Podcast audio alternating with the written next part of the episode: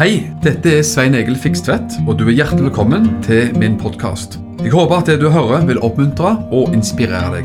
Ønsker du mer informasjon om arbeidet i drivet, så kan du gå til mission-alliance.org. Gud velsigne deg. Vi skal snakke om altså, evighetshåpet vårt i dag. Det som ligger bakom død og grav. Og vet du hva? Bibelen snakker mer om det enn det vi vanligvis preker om. Uh, og um, jeg har studert litt på dette her i mange år egentlig, og tenkt at det, og fundert og, og merka det av i Bibelen også på forskjellig vis. Der det står om alle sånne ting. Da. Alt som ligger foran oss. Kristi dag og Guds dag og uh, vårt salige håp og alt liksom som forteller oss noe om framtiden. Og det står det mye om. Og um, vi, skal noe, vi, skal lese en del vers, selvfølgelig.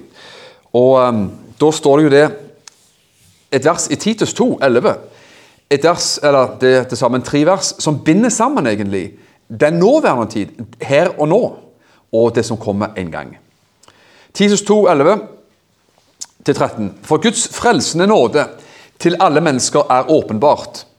Og denne nåden oppdrar oss for at vi skal fornekte ugudelighet og verdslige lyster og leve edruelig, rettferdig og gudfryktig. Altså et godt kristenliv, sagt sånn. I den nåværende tidsalder. Altså Guds nåde er her. Guds nåde for oss. Og den oppdrar oss altså til å leve et gudfryktig liv i den nåværende tidsalder. Og det er nå. Det, det er logisk. Og så, så, kommer det andre verset da, som binder det sammen. Mens vi venter på Mens vi venter på det salige håp og åpenbaringen av den herlighet som tilhører den store Gud og vår frelser Jesus Kristus. Det er evighetshåpet. Det snakker om det timelige, eller det som er nå, den nåværende tidsalder, og det altså som da kommer lenger fram. Det var en nyfrelst mann en gang som sa ba. Vet, når nyfrelste begynner å be og våger å be, gjerne be høyt, og sånt, så er det veldig koselig og veldig eh, sjarmerende når man er nyfrelst og gjerne ikke har hele teologien på plass. Så Den nyfrelste mannen han sa og takta Jesus for frelsen og takta og var inderlig som bare det.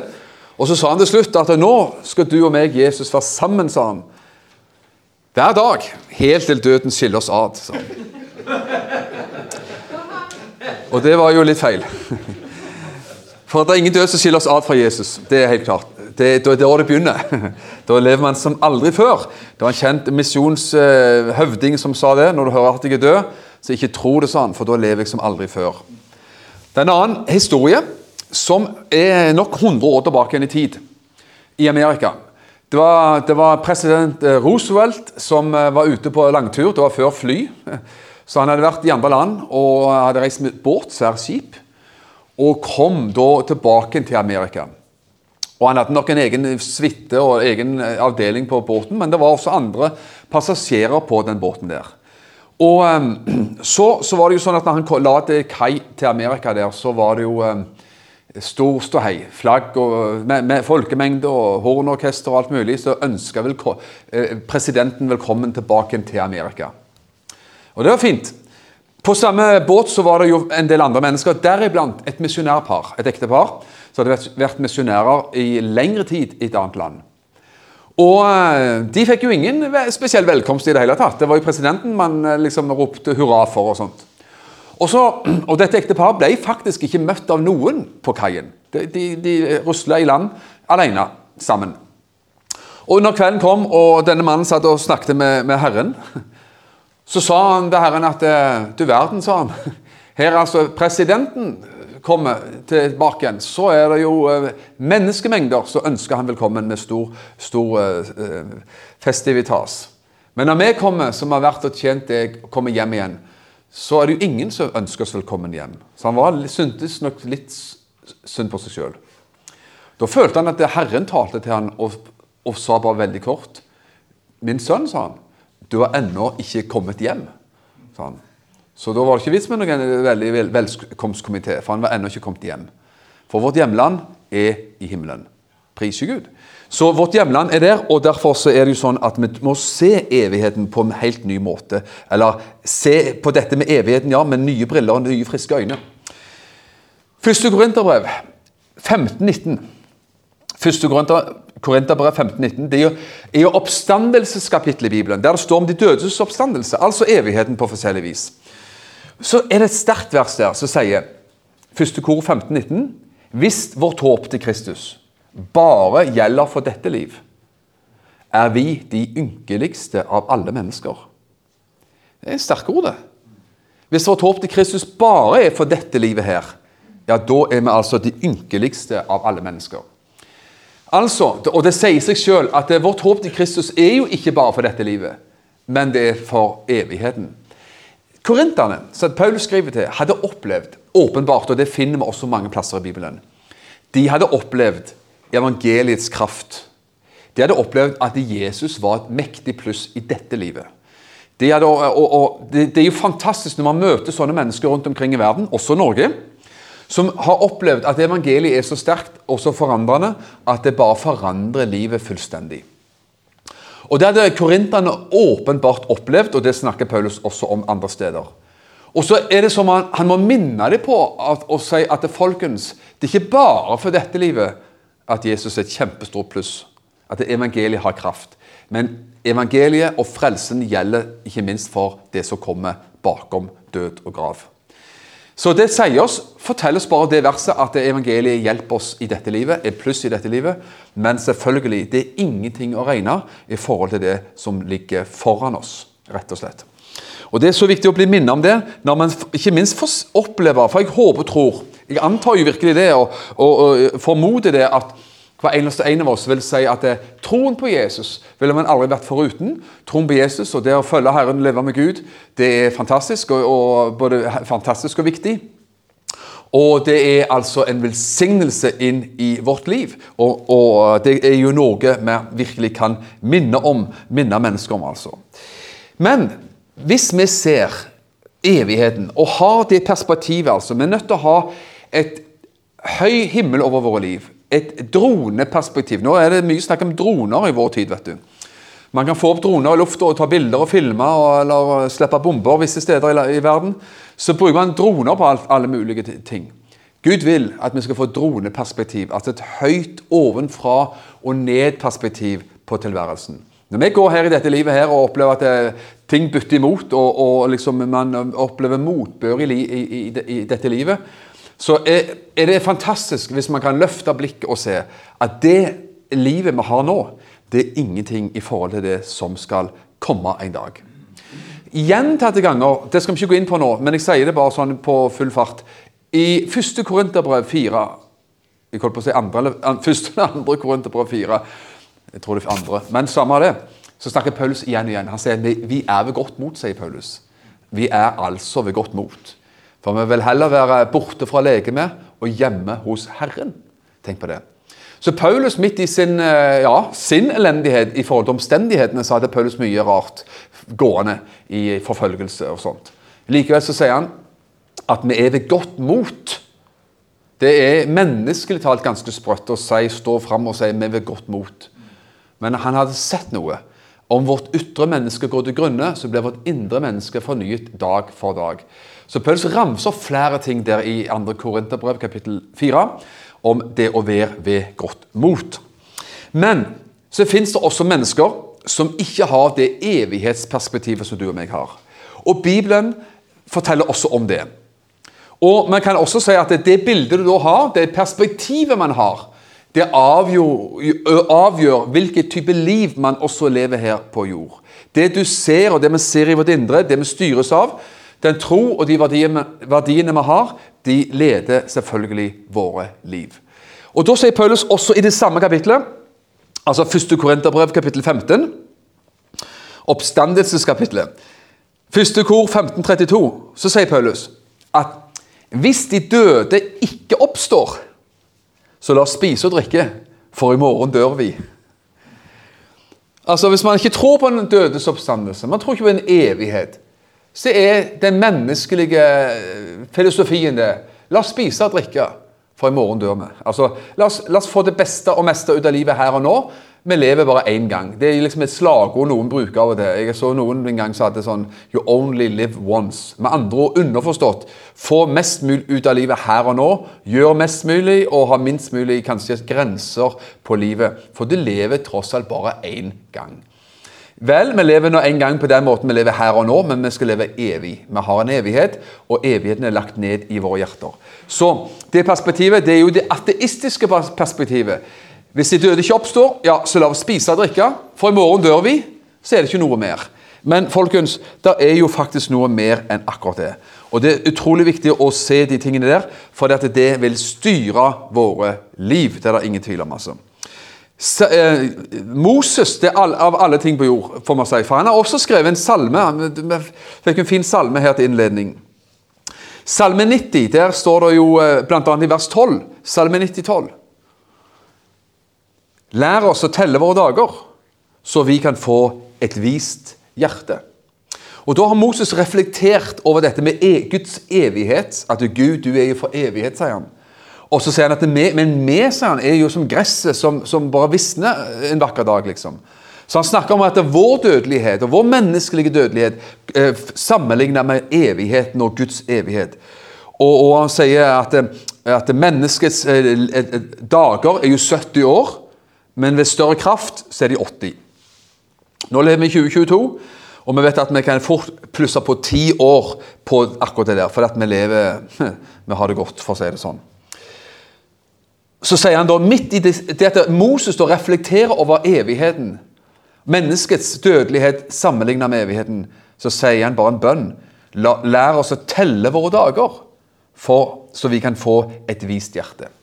Og jeg tenker at Det er viktig at vi men har det, det med oss, at vi teller våre dager. Ikke i stress og angst, men man kjenner på det at eh, det gjør noe med våre liv. Det gjør noe med hvordan vi lever våre liv og prioriterer og ordner våre liv. For vi tenker på evigheten, vår egen evighet, men også andre menneskers evighet. Det er kolossalt viktig. Og Da er det så viktig å få lov til å være i Guds plan med våre liv. Når vi ser det, vi tenker ikke at eh, de døde står ikke opp, det er, ingen, det er ingen evighet, så la oss spise og drikke, for i morgen dør vi. Nei, vi tenker ikke sånn. Vi vet at eh, hvis vi bare hadde satt vårt håp til Kristus for dette liv, da var det ikke så veldig sprekt likevel. For det at håpet til Kristus gjelder inn i evigheten. Eh, kong David han står det noe fantastisk om, og jeg syns det òg hører med. For det at han, skal vi, skal vi lese det heller, så skal vi heller si noen ord om det etterpå. Gud, eh, det er jo Gud som sier det, men det er jo eh, Paulus som preker dette her i Apostelens gjerninger 13, vers 22. Så preker han da om evangeliet, om å dra fram en del eh, linjer fra Det gamle testamentet. Og Da sier han da han, altså Gud, hadde avsatt Saul som konge, reiste han opp David som konge for dem. Han ga dem også, eh, og han, eh, han ga Gud også vitnesbyrd og sa Jeg har funnet David, sønn av Isai, en mann etter mitt eget hjerte, som skal gjøre all min vilje. Jeg har funnet en mann, altså David. Han er en mann etter mitt eget hjerte, som skal gjøre all min vilje. Du og meg kan være en mann og en kvinne etter Guds eget hjerte. Og jeg påstår faktisk frimodig at når man er frelst, så er man faktisk det. Det er ikke noe du skal streve for å bli i neste 40 åra. Vi vokser stadig vekk i vårt liv, absolutt. Men, men, men, eh, er du et Guds barn, så er du i Guds vilje, altså. Og så tar man livet derfra. Priser Gud. Vers 36 da, i Apostelens gjerninger 13 så står det også noe, en, en, liten sånn setning til om David. For etter at David hadde tjent sitt eget slektsledd etter Guds vilje, sovnet han inn og ble begravet, og uh, så siden da fordervelse, altså fysisk sett fordervelse. Det står i en annen oversettelse, 78-oversettelsen, at han var en tjener for Guds plan så lenge han levde. Det er fint. Han var en tjener for Guds plan så lenge han levde. Du og meg kan få lov til å være tjenere for Guds plan. Være midt i Guds plan så lenge vi lever, og vi får nye dager og nye år lagt til vår levetid. Så kan vi vite det at vi på, på forskjellig vis kan altså tjene Guds plan. Det er kolossalt viktig. Vi må ha evighetsperspektivet hos oss. Det gjør noe med oss. En kar, en, en, amerikansk predikant fortalte en historie en gang. Han, eh, han heter John Bever, og han har også tror besøkt Skandinavia tider, tidligere tider. Han ble spurt om han ville komme og preke på en pastorkonferanse i Brasil. Og sa ja til det, og tenkte vel at det skulle komme omtrent et par hundre pastorer på denne konferansen. Og så kom han altså eh, til Brasil og skulle eh, være med å forkynne. Og så oppdaget han da at de hadde 1200 pastorer på konferansen. Så det var jo litt, litt mer. Litt mer.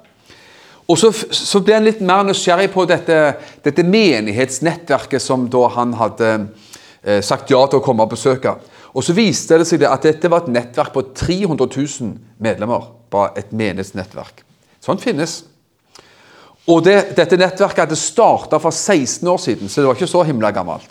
Altså, og Det starta fra mer eller mindre null, og så har det vokst opp til 300 000 medlemmer på 16 år. Og Da blir man jo, som folk fra den vestlige verden, enten Amerika eller Europa, så blir man jo nysgjerrig på hva har skjedd, hva betyr dette? Hvorfor er det så mange folk, og hvorfor er det så mye vekst?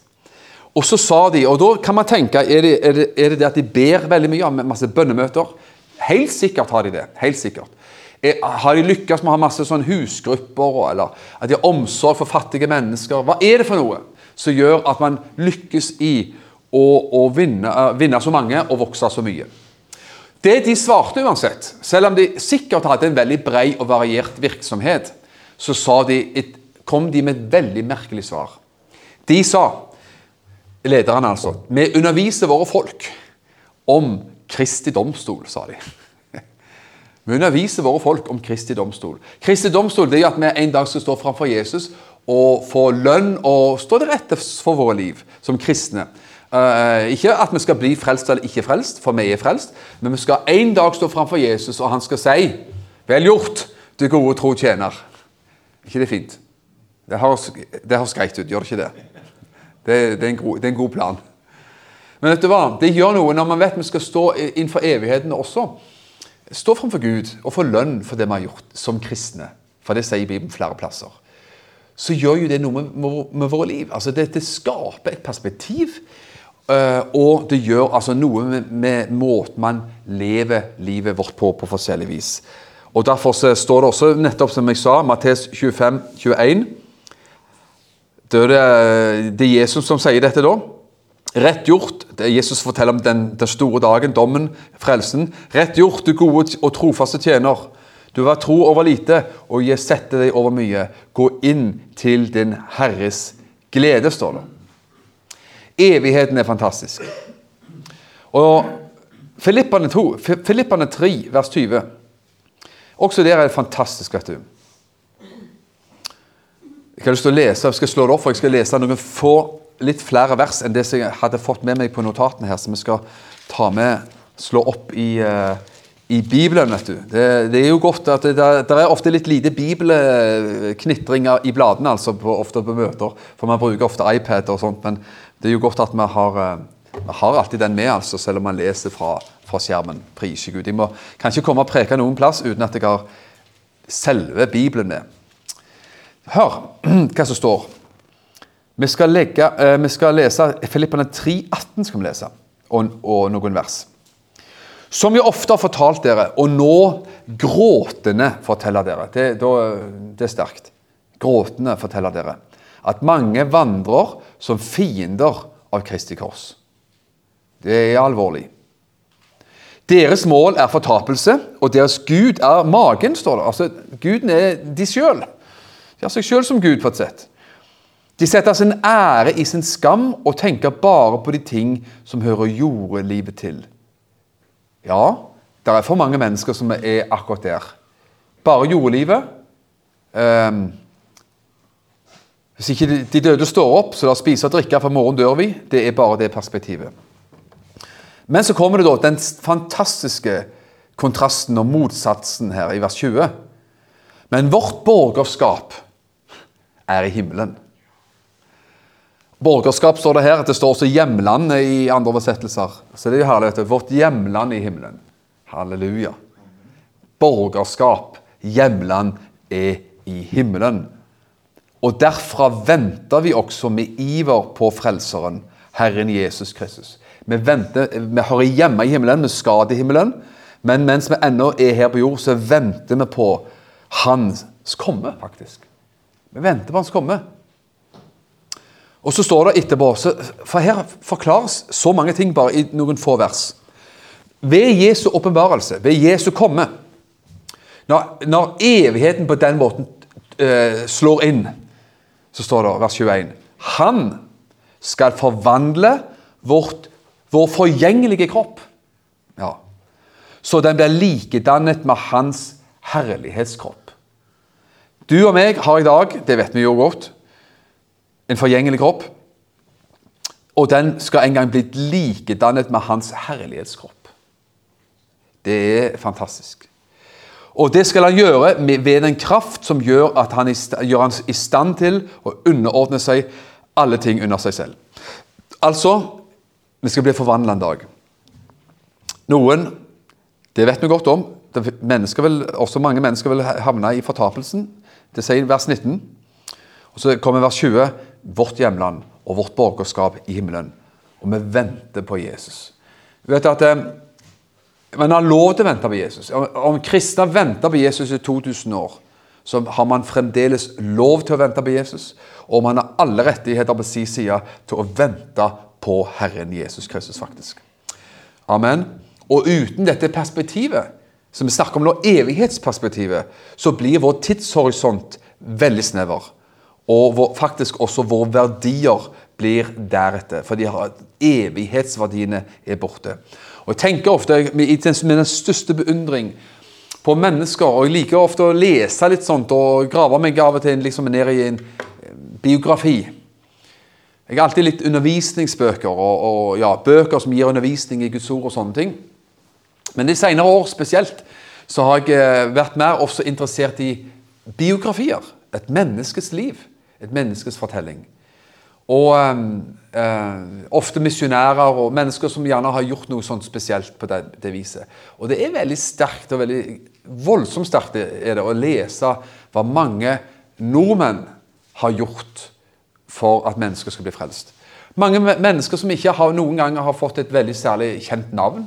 Vi har noen flotte, gode, kjente navn, som Arild Edvardsen, og, og, andre som, som liksom fikk et navn da, som ble kjent.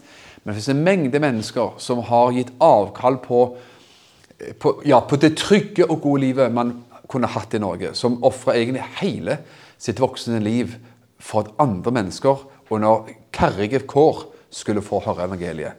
Og De menneskene de fortjener jo vår aller, aller største respekt. Og um, Kanskje jeg har sitert noen av de folka før også, men det gjør det med glede igjen. Jeg leste, jeg leste en bok i vinter, det var nok sikkert snart, snart et år siden, kanskje i fjor, fjor vinter, at jeg leste en bok av ei som heter Margrethe eh, Jeg har glemt navnet plutselig her. Hun går i Philadelphia, Kristiansand.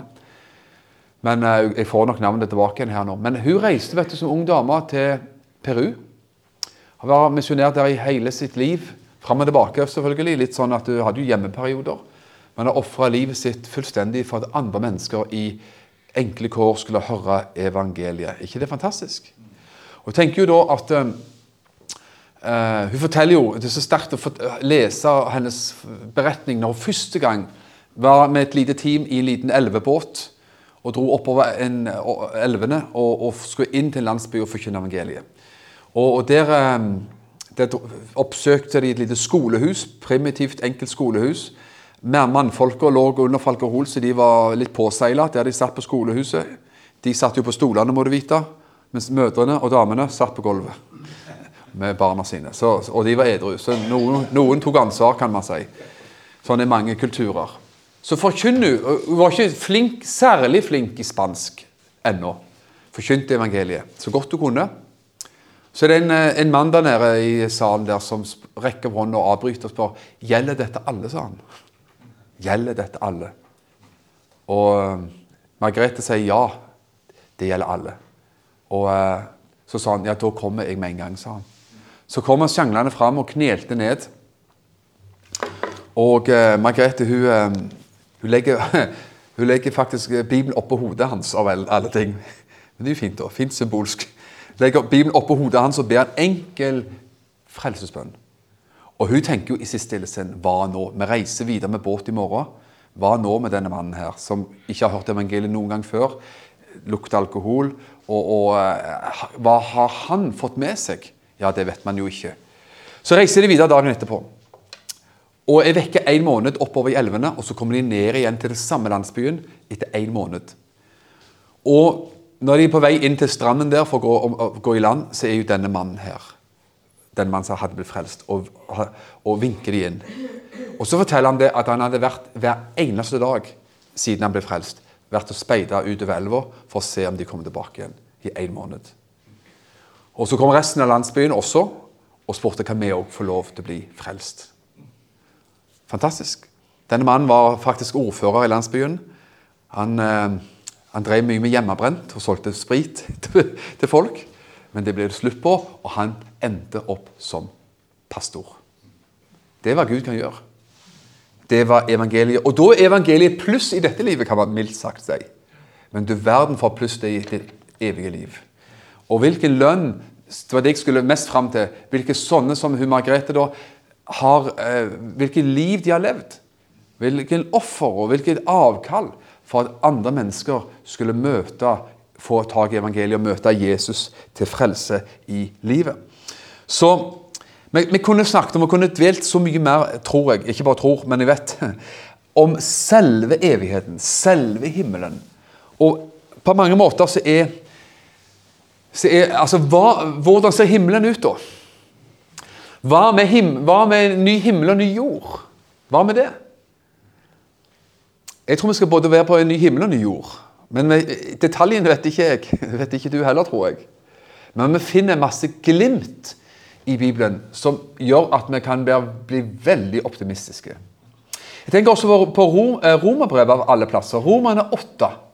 Det Paulus snakker om.